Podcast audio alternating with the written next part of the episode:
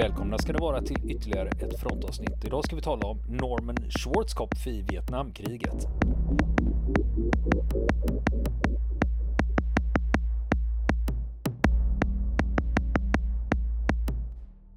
Ja du Niklas, nu har det blivit dags för sista delen om Schwarzkopf i Vietnam. Mm. Redan? Ja, redan ja. ja, det, det, ja, men det är ju intressant. Du, Tycker du jag har dragit ut på det? Nej, vad skojar Nej, då. Nej, men det är ju så att Schwarzkopf fick ju ta över befälet över en bataljon. Och den var ju inte i bästa skick va. Det var ju den som ansågs vara den sämsta i hela divisionen. Mm. Och det, vi snackar ju lite grann om det här att det är ju som ett Hollywood moment lite grann där. Det är ju en sån där klassiska gr grundberättelsen om en, en officer som kommer in och shapar upp en grupp som är kass. Mm. Ja. ja. Men det som är, han har ju varit ute och inspekterat de här kompanierna de har utplacerade. Ja, och eh, nu kommer han tillbaks till LZ, Landing Zone Bayonet. Och han har ett stabsmöte där och han inser att de inte klarar av att lösa sitt uppdrag just nu. Och det uppdraget de har det är att hindra Vietkong från att skjuta raketer från kullarna ner mot staden. Och det är så dåligt skick så att det är som ett såll va. Utan Vietkong kommer att gå som de vill va.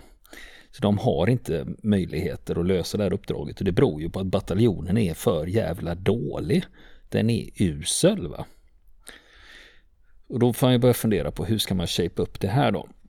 Han har ju redan påbörjat eh, lite grann. Men dagen därpå så får han reda på att de faktiskt har lyckats skjuta en Vietkong som smög runt vid taggtråden på basen. Eh, och där hittar de skisser i fickan på soldaten. Och det är alltså en komplett skiss av hela basen. Där står också var ammunitionsförråden finns, var bataljonschefen sover. Och de vet ju att det här är ju förberedelserna för en attack med pionjärsoldater, alltså sappers. Det är sådana som tar sig in i, genom taggtråden, springer runt och slänger in sprängladdningar i byggnader och bunkrar. Oh, och kan ställa till enorm förödelse eh, om de vet eh, var, vart de ska och var basen är sårbar någonstans. Du kan ju slå ut väldigt mycket på väldigt kort tid. På det viset, med den taktiken. Och samma dag så kommer brigadchefen på besök för han har hört talas om det här att de har skjutit en Vietkong i taggtråden. Och han är nyfiken på att se hur skyddet ser ut runt bajonett så de går runt och inspekterar taggtråden och skyddet runt basen. Och efter 15 minuter då är brigadchefen galen av ilska.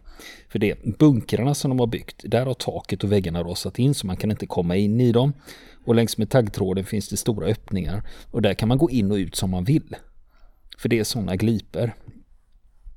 Men de har också satt ut sådana här Claymore-minor. Truppmina 12 eller försvarsladdning 21 som vi kallar dem i Sverige.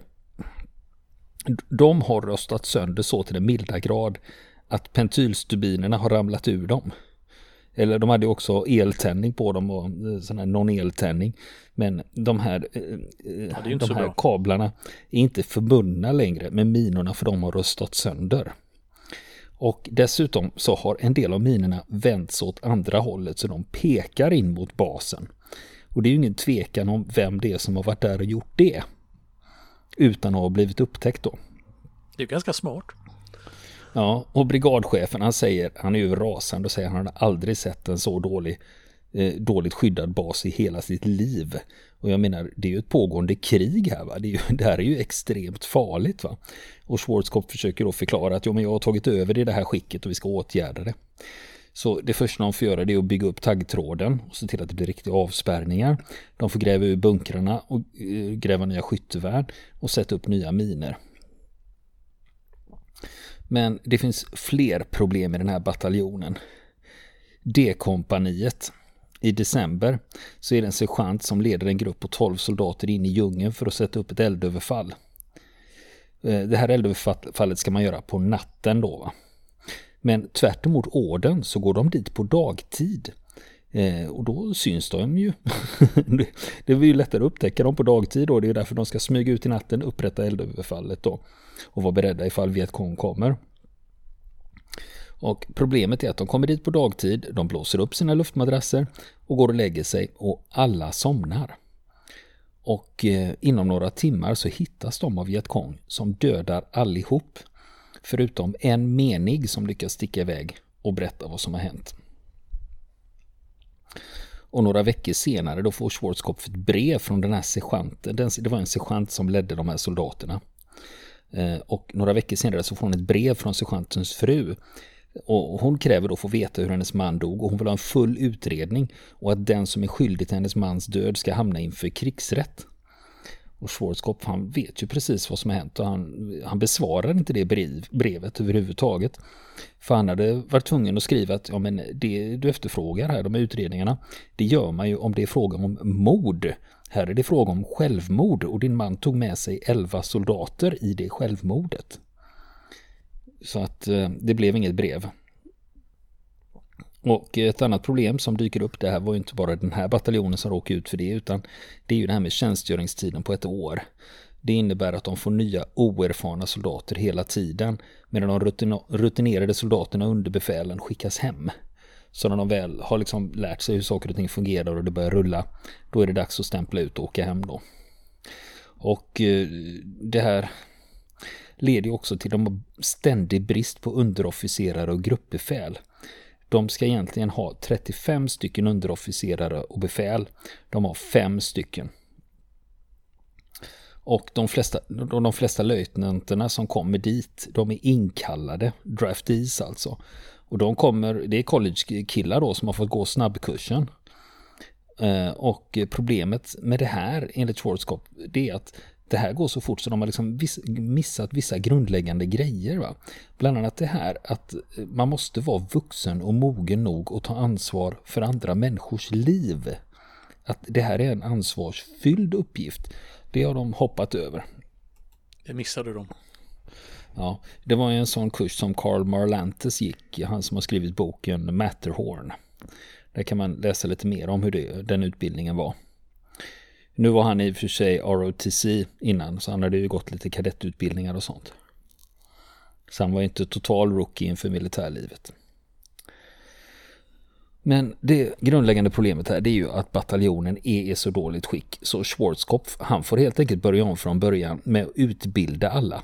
Först när det gäller uniform och utrustning och sen att de alltid ska bära med sig vapnet och att vapnen ska vara välskötta. Han upptäcker också att de flesta är ganska dåliga skyttar så de får anlägga skjutbanor så de får möjlighet att träna. Och eh, de börjar också bete sig mer aggressivt ute i djungeln och de patrullerar områden som de inte varit i förut och då lyckas de trycka tillbaka Vietkong från kullarna. Och samtidigt så är Schwarzkopf ute och träffar kompanierna som är ute på baserna och han understryker vikten av att rycka upp sig och bli bättre. Och Schwarzkopf han får stöd från många av officerarna och befälen som tycker att han gör rätt när han försöker rycka upp bataljonen. Och nu är det december. Och Schwarzkopf får reda på att han ska bli pappa. Mitt uppe i allt detta. Ja, han hade ju varit i Hongkong på Thanksgiving där i november och träffat Brenda. Och det är det som har gett resultat. Mm. Mm. Och det här leder också till att han drabbas av hemlängtan då. Han får reda på att Brenda ska bli mamma och att han själv ska bli pappa. Och eh, under julen här så träffar Schwarzkopf eh, kompanichefen för D-kompaniet och har ett förtroligt samtal. Och den här kompanichefen förklarar att eh, jag är egentligen inte så intresserad av att vara kompanichef. Jag tycker inte det är så roligt. Och Schwarzkopf eh, tar det här med ro nästan och säger så här, ja ja men eh, är det så det låter så då slipper du. Du blir jag kommer inte degradera dig men du kommer att få hamna i staben istället för jag vill inte ha någon ute som inte är beredd att göra jobbet. Och istället så finns det en, eh, det finns redan en stabsofficer som är kapten som verkligen, verkligen, verkligen vill föra befäl över ett kompani i Vietnam. Så då är det han som får det kompaniet istället. Och plötsligt så har man då en entusiastisk kompanichef istället som är på samma linje som Schwarzkopf och vill rycka upp kompaniet och bli bra. Va? Mm, det kan inte ha varit ett svårt byte. Nej, för när Schwarzkopf han åker ut till kompaniet och förklarar att eh, det är så här att er eh, nuvarande kompanichef, jag avsätter honom och ni kommer att få en ny. Då möts han av jubel. det... Okej, det var många som inte sak, skulle sakna Nej, och han, han, den avgående kompanichefen han tyckte faktiskt det var lite förödmjukande att få vara med om det här va. Eh, men eh, eh, samtidigt så vill han ju hellre till staben. Va? Och nu börjar bataljonen förbättras överlag. Det är rena vapen, ordning och reda och en riktig skyddszon runt baserna som gäller. Och nu klarar de de här inspektionerna som de hade misslyckats med tidigare. Och det händer en annan sak också. Att nu börjar männen i bataljonen känna en stolthet över att tillhöra First of the Sixth. För förut var ju deras smeknamn Worst of the Sixth. Men nu börjar de kunna slå sig för bröstet och tycka att de är något.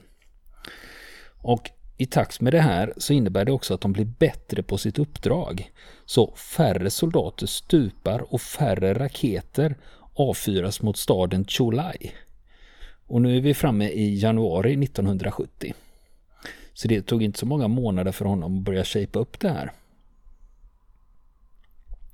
Och sen en dag i januari 1970 då är Schwarzkopf uppe i sin helikopter en eftermiddag. Han ska ut till en bas.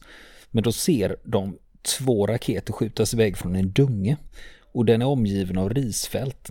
Och han ropar snabbt in positionen till LZ Bayonet för nu för tiden så har de en pluton i beredskap som kan sticka ut med kort varsel.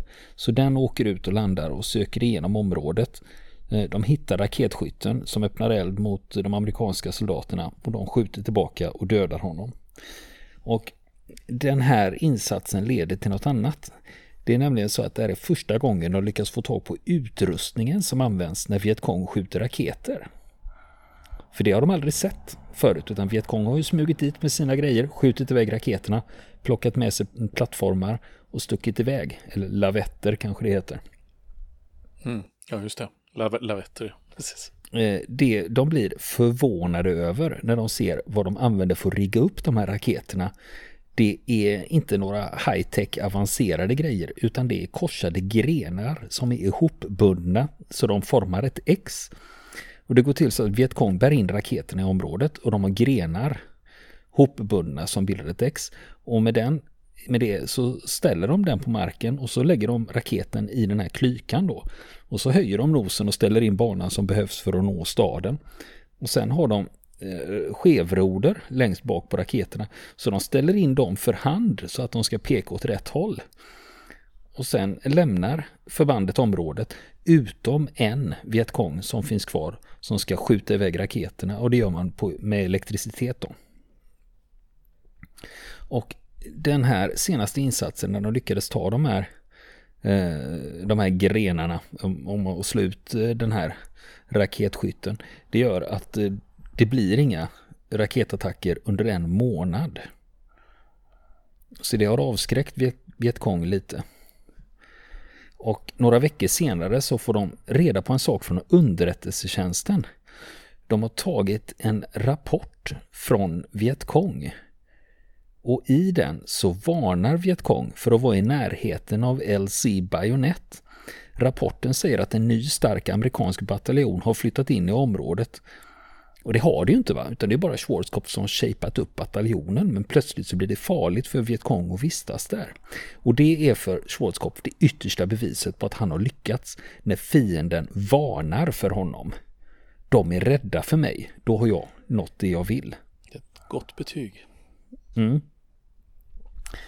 Och sen i mars är vi framme nu. I mars 1970 då får bataljonen ett nytt uppdrag. De ska till halvön Batangan och det är inget lätt uppdrag, för det har rykte om sig att vara väldigt farligt. Och det är mycket miner och försåtsmineringar överallt. Och det här med Batangan, det kanske inte säger någonting, men det är inte så känt i namnet. Men det finns en by i det området som heter My Lai. Och den är ju känd däremot, för det var två år tidigare som amerikanska soldater hade dödat mer än 300 civilister i den byn. Och det är ju det som i Sverige är känt som Song My-massakern. Och det är i det området som Schwarzkopf bataljon nu ska verka i istället. Och det finns ett problem i det här området för de amerikanska soldaterna. Det, är vad de, det finns vad som kallas för en spökbataljon. Det är Vietkongs 48 bataljon. Den kallas för spökbataljon. För det är ingen som, det är ingen som har sett dem. Utan de amerikanska soldaterna råkar bara ut för miner och försåtsmineringar. Och det har ju sänkt moralen för den bataljonen som är där just nu. Och den bataljonen som är där just nu, de är alltså i ett sånt skick va? och så rädda för det här. Så att när de ska ut på patruller på natten, då går de bara 200 meter från basen, så stannar de och väntar där hela natten. Sen på morgonen så kommer de in på basen igen och säger att de har gjort sitt uppdrag, men att de inte har sett någonting. Det har de inte.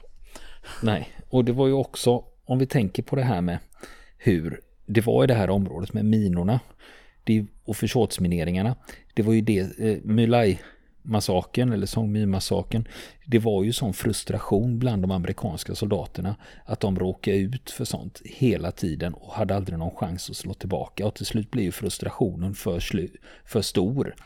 Så att de eh, flög ju på eh, civilbefolkningen. Civila, ja. mm. Och mördade barn och eh, var helt eh, barbariska. Men nu börjar ryktet sprida sig i Schwarzkopfs bataljon att de ska dit. Och soldaterna tror att det är Schwarzkopf själv som har bett om det här uppdraget, att det är lite gung-ho och nu jävlar nu har shapat upp bataljonen och nu ska de verkligen få visa vad de går för. Så är det inte utan Schwarzkopf har blivit beordrad att ta sin bataljon till det här området så det är ingenting han har bett om. Ett problem med det här området, Batangan, det är att det här området, det har varit krig i det här området under lång tid. För först var japanerna där under andra världskriget, sen fransmännen, sen tog sydkoreanerna över med stöd av USA och slutligen amerikanska trupper som opererar i området plus att Vietkong är där också och håller på med sina grejer. Och det innebär att minorna som finns i området, vem är det som har lagt dem där? Ja, det kan vara amerikaner, fransmän, japaner, nordkoreaner eller sydkoreaner. Minst sagt förvirrat alltså. Nu. Det är gott om miner är det, mm. men man vet aldrig vem det är som har lagt dem där. Det kan vara amerikanska miner. Eller sydvietnamesiska. Och eh, eh, den här minhotet, det tar de ju på allvar. Så att när de kommer dit och börjar Schwarzkopf och hans stab gå igenom var har det skett minincidenter? För de försöker förstå hur det här fungerar och liksom hitta ett mönster i det här. Hur kan vi göra för att undvika miner? Och ett mönster man hittar det är platser där man tidigare har haft försvarspositioner på natten. Det är ett av de farligaste platserna när det gäller minor. Och eh, de platserna ska undvikas då. Har man någon gång haft en plats där man har haft en försvarsposition, då ska man undvika den. Och man ska undvika vägar och stigar, öppningar i häckar mellan risfält. Och trots att den här instruktionen går ut till soldaterna så råkar de ut för ungefär en minolycka per dag. Det, är... är mm. det är men, men det man fortsätter att göra då det är att utbilda soldaterna på hur ska ni undvika miner. Och efter en månad så börjar förlusterna av minor att minska. Och nu är det mindre än en minolycka i veckan då. Eh, Schwarzkopf vet ju om att eh, han tycker att han har en bra bataljon nu. Men han vet att den inte kan bli bättre än vad den är just nu. Och det beror på att de inte har tillräckligt eh, många och bra underofficerare och befäl. Så det saknas fortfarande. Och jag nämnde ju den där 48 spökbataljonen från Vietkong. Den finns ju i området och opererar. Och det händer ibland att eh, man faktiskt ser soldater från 48 bataljonen, Vietkong alltså, som är ute på nätterna. Men då är det så här, om amerikanska soldater ligger ute på natten och har förberett ett eldöverfall så låter de Vietkong passera. För de vet ju om att om de öppnar eld så innebär det att Vietkong öppnar eld och så blir det strid och så kommer flera av oss att stupa eller såras. Och Eh, och det här är ju ett problem va? Att du ser fienden men de vågar inte öppna eld va? Och han vet om då Schwarzkopf, men det här beror ju på att hade vi haft bra gruppbefäl och underofficerare så hade de aldrig låtit det här hända. Eh, det, det, man gjorde, det saknades alltså en pålitlighet. Så för att komma runt det här, för att få de amerikanska soldaterna att våga öppna eld, så så gör man att det blir större grupper. För eh, just nu så är de sex eller åtta soldater ute och ska, som ska genomföra de här eldöverfallen. Men istället så bygger man upp dem så de är 15 eller 20 man som ligger i bakhåll för Vietkong. Och det innebär att då får de tillräckligt med självförtroende att öppna eld. Så att nu vågar de amerikanska soldaterna öppna eld när de känner att de är fler. De är en halv pluton liksom.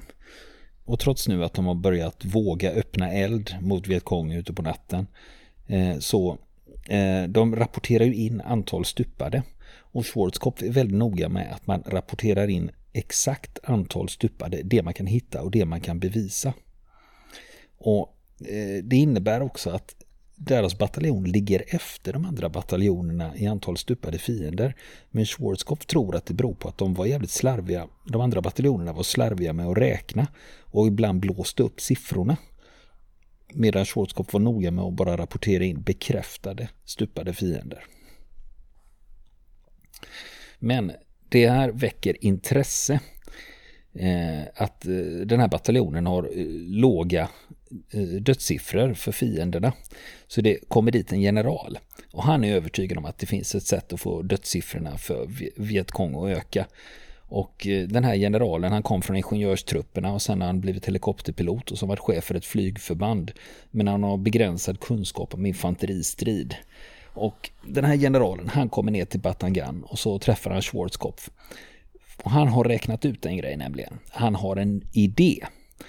Han har kommit fram till att Vietkong rör sig i grupper om två till tre man. Så han vill att Schwarzkopf ska ta sin bataljon och dela upp den i grupper om två till tre man och placera ut dem över hela området. För då kommer det att döda många fler fiender. Och Schwarzkopf förklarar att eh, jag har faktiskt gjort precis tvärtom. Att vi har ännu större grupper nu. Och har man två till tre man så kommer de inte våga öppna eld utan istället undvika strid. Och dessutom, om vi bara har två, tre gubbar ute, det är få som vet om hur man läser kartor. De kommer inte kunna berätta var de är någonstans och vi kan inte skicka artilleri heller då. Och eh, generalen tycker det här låter som ett ledarskapsproblem och att Schwarzkopf behöver ha bättre kontroll över sina män.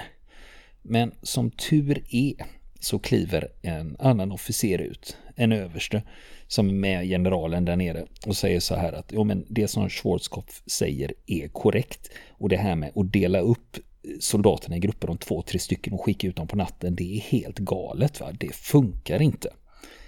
Och eh, det är ju så här att man har ju en hierarki i, i militären. Och eh, generalen vi lyssnar faktiskt på den här översten men är inte nöjd med att ha blivit överkörd. Och Schwarzkopf var ju tacksam att den här översten tog smällen då. Och nu pratar vi karriärmässigt för att den här översten som tog smällen, som vågade stå upp mot generalen, det var ett karriärsjälvmord. Det gjorde att den översten aldrig mer blev befordrad under hela sin karriär. Och han pensionerades till och med som överste långt senare. Och det berodde på ett utlåtande om den här översten som generalen hade sett till kom in i hans akt.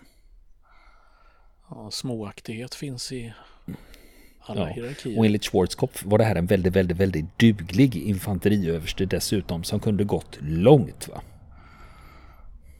Och eh, det är inte bara det besöket som eh, händer nu utan I maj 1970 då får de besök av ingen mindre än generalen för divisionen. Och det är ingen mindre än General Abrams. Det är alltså han som är känd för att ha fört befälet över en pansarbataljon i slaget om Ardennerna. Och, ja, som en viss stridsvagn. Ja, eh, precis. Det finns ju en stridsvagn som är uppkallad efter honom också. Och han säger så här till Schwarzkopf att eh, jag har elva bataljoner och av dem så är fyra något att ha. Resten är skräp. Men din bataljon, det är en av de fyra. Och det betyder jättemycket för Schwarzkopf att han har lyckats rycka upp bataljonen när general Abrams berättar det för honom. Eh, och när, när General Abrams är där, han har med sig ett litet entourage och så är det en general som säger så här också. Ja, och eh, Schwarzkopf, han har varit eh, också jätteduktig i sitt område när det gäller det här med winning hearts and minds. Det här programmet för att man ska eh, vara snäll mot civilbefolkningen och få över dem på sin sida. Och då svarar Abrams så här. My experience If you grab them by the balls, the heart and minds will follow. Det låter ju som någonting Patton kunde ha sagt. ja, han var också pansargeneral. Ja. Och nu är vi framme i maj 1970 och i slutet där så åker Schwarzkopf med sin helikopter. Han ska åka upp och titta till en granatkastarposition. Men då hör de över radion att en soldat har skadats av en mina. Så Schwarzkopf han dirigerar dit sin helikopter för då tänker de då använder de den som medevac då. Alltså som evakueringshelikopter för den skadade soldaten. Istället för att ropa in en annan helikopter då. Och han ser att eh, när de ska landa där då ser han att de är uppe på en stor kulle. Och problemet med den här kullen är att de ser att det är gamla försvarsställningar där. Och då bara nej, vi har ju sagt till dem, ni ska undvika alla gamla platser. För de är ofta minerade. Men det har de inte gjort utan de har lagt sig mitt i en sån försvarsställning. Och det är också därför den här minskadan har uppstått. Och helikoptern lyfter iväg den sårade soldaten och Schwarzkopf stannar kvar och säger att det finns antagligen fler miner här så vi måste fundera på hur vi får ut männen härifrån utan att någon mer skadas. Och precis när han säger det, då smäller det en till mina 20 meter bort. Då ligger en soldat på marken, svårt skadad i benet. Han ligger och skriker efter Jesus och männen runt omkring börjar få panik nu när de fattar att här är det ju fan miner överallt. Men Schwarzkopf han säger till dem, lugna ner er, jag ska se till att ni kommer härifrån. Problemet är att ingen vågar röra sig och den sårade soldaten behöver hjälp. Och de befinner ju sig mitt i ett minfält.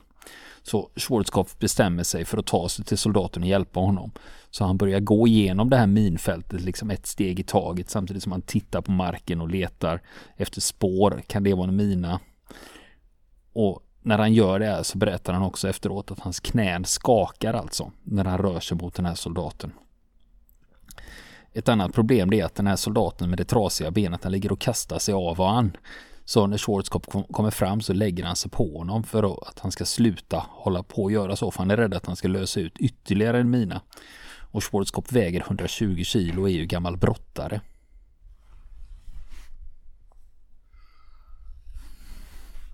Så den soldaten lugnar ner sig och ligger faktiskt still. Det fanns också en ytterligare en anledning att han inte ville att han skulle ligga och eh, kasta sig så. För han var rädd att han skulle paja en artär i benet och att han skulle dö av det då. Så det fanns två anledningar till att han inte skulle ringa, ligga och kasta sig av varandra där. Och 20 meter bort därifrån, där finns det en buske. Så Schwarzkopf ber en, det finns, de har med sig en förbindelseofficer från artilleriet. Så han säger till den officeren, gå bort till busken och skär loss några grenar så vi kan spjäla benet. Och förbindelseofficeren drar sin kniv, tar ett steg och då smäller det igen. Förbindelseofficeren kliver på en mina och en arm och ett ben flyger iväg och resten av honom tumlar runt och ramlar ner på marken. Och nu börjar männen få panik igen och Schwarzkopf säger till dem att stanna där de är tills de kan flytta på sig. Och Schwarzkopf lägger ett tryckförband med bältet på den soldaten han har hand om. Sen tar han sig bort till förbindelseofficeren och kollar hur det är med honom. Och han har inte bara blivit av med ett ben och en arm utan en del av skallen har också försvunnit. Men han lever fortfarande. De lyckas ändå evakuera den minskadade soldaten och förbindelseofficeren med helikopter. Och eh, sen begär de in ingenjörstrupper som ska då röja området från miner. Och en annan sak som hände här, det var när förbindelseofficeren trampade på en mina så flög det iväg splitter åt alla håll. Och sju eller åtta av dem har träffat Schwarzkopf i vänster bröstmuskel. Så han måste åka till sjukhus för att få splittret bortplockat. Och det innebär en till Purple Heart för honom då. Och det blev inte bara en Purple Heart för det här utan hans insats att han som bataljonschef gick ut och räddade den här killen på minfältet. Det eh, blir också en Silver Star av det. För det, de tyckte det var bra gjort att han klev in och löste situationen. Och eh, när han ändå är på sjukhuset så tittar han till förbindelseofficeren och så tittar han också till den andra killen som har skadat sig. Och när han ska gå därifrån då blir han stannad av tre svarta soldater som säger till honom överste, vi såg vad du gjorde där för vår broder där ute. Det glömmer vi inte och vi ska se till att alla andra bröder i bataljonen förstår vad du har gjort. Och då förstår Schwarzkopf att fan soldaten, var han svart? Han hade inte haft en tanke på det under hela tiden det här hände. Utan det är först när de här tre svarta soldaterna berättade för honom på sjukhuset som han fattade att det var så det var. Och så Schwarzkopf kommer tillbaks till eh, basen där de är just nu. Den heter Firebase Dotti. Och han lägger sig ner i sin koj. Men precis, han är precis lägga sig ner. Då får han reda på att en överste har kommit hit för att få en rapport. Så att eh, han går iväg för att träffa honom i stabsrummet och Schwarzkopf gör en dragning och berättar om läget och börjar rita upp kartor och diagram. Plötsligt så säger översten, men Schwarzkopf, du behöver inte göra den här dragningen nu, gå och lägg dig. Och Schwarzkopf undrar, varför då? Då visar det sig att de här såren i bröstet har gått upp och han är helt nerblodad och han har inte märkt det själv. Men efter, efter det här så blir det faktiskt en liten permission i Bangkok under en vecka. Och sen när han kommer tillbaka till Firebase Dotti så inser han att men herregud, nu är det bara två veckor kvar, sen ska jag åka hem till USA. Och det är dags att lämna över kompaniet. Och han flyger runt med sin helikopter till alla kompanierna och tar farväl. Och han berättar att han är mest stolt över att de fortfarande är i livet och han önskar att de ska fortsätta vara det och komma hem ordentligt. Och den han ska lämna över till det är en gammal kompis från West Point som heter överstelöjtnant Fred Warner. Och Schwarzkopf tycker att han är en duglig officer och är glad över att det är han som får ta över.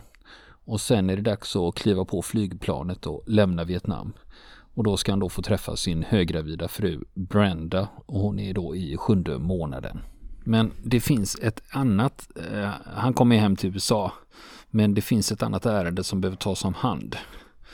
Och då var när Schwarzkopf var bataljonschef utanför Chulai.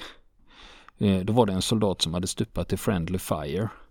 Och eh, problemet kring det här ärendet var att föräldrarna till den här pojken, de hade fått väldigt lite information om vad det var som hade hänt och de hade även fått motstridiga uppgifter om det här. Så de tror att det, har, att det rör sig om en cover-up från militärens sida. Och eh, de undrar vad är det som har hänt? Varför får vi inte berätta? Ni, vad är det ni försöker dölja? Så Schwarzkopf träffar dem och berättar vad det handlar om. Och det var, egentligen, det var en artillerimiss helt enkelt som han dog av. Så det, det, var inget, det var inte konstigare än så att en artilleriofficer hade räknat fel. Och amerikanska trupper hade blivit träffade och deras son var en av dem som hade dött då. Men efter det så blir det ingenting mer Vietnam för Schwarzkopf. Han stiger i graderna i olika stabsbefattningar och får olika uppdrag. Så han för även befäl över eh, vissa större enheter. Och nästa gång han märks av i historien här det är ju när han är med i ledningen för invasionen av Grenada 1983. Och sen eh, 1988 så befordras han till general. Och sen kommer ju det som han är mest känd för. Det var ju att leda Operation Desert Storm. Och det var ju 700 000 soldater från USA och deras allierade som gick in i Irak söderifrån. Och ganska snart efter Desert Storm så går han i pension men han gör ett inhopp som säkerhetsrådgivare åt presidenten år 2000. Och sen 2012 så avlider han av lunginflammation, 78 år gammal. Så det är historien om Norman Schwarzkopf i Vietnam. Men det finns ju mera att rota i där. Jag tänker bland annat på det där med Grenada. Det är ju spännande. Ja, det är en liten undanskymd konflikt det där som, som uh, ja, nästan bortglömd idag. Ja, om det inte vore för filmen Heartbreak Ridge med Clint Eastwood så hade väl ingen kommit ihåg det. Nej, just det. Det var väl nästan den filmen som förevigade Grenada, kan man säga. ja, ja det är sån här, typiskt sån här liten kalla krigs eh, mm. skulle man mm. kunna säga. Men, men vad tror, vad tror du, liksom hur mycket av eh, man, man kan väl säga med, med Schwarzkopf att eh, hans karriär egentligen eh, tog fart i, i och med Vietnam och att det var det som på något sätt bäddade för de senare. Ja, han var ju dekorerad krigshjälte med några Silver Stars och några Purple Hearts och lite annat krimskrams fick han ju också på köpet där. Så att, eh, men samtidigt måste du ju vara duglig och sen också kunna hantera politiken. För sen när det blir Pentagon och Washington av det, då är det ju helt andra färdigheter som krävs för att kunna navigera sig fram. Och förra befälet över 700 000 man som han gjorde då senare, det kräver ju också sin vissa färdigheter. Ja, absolut. Och det är ju eh, det är också därifrån han fick sitt smeknamn Stormin Norman. Vill ni komma i kontakt med oss så kan ni göra det via vår Facebook-sida som heter Fronten. Det är inga problem för er att leta er fram där. Eller också så mejlar ni på vår mejladress och det är frontenpodcast.gmail.com.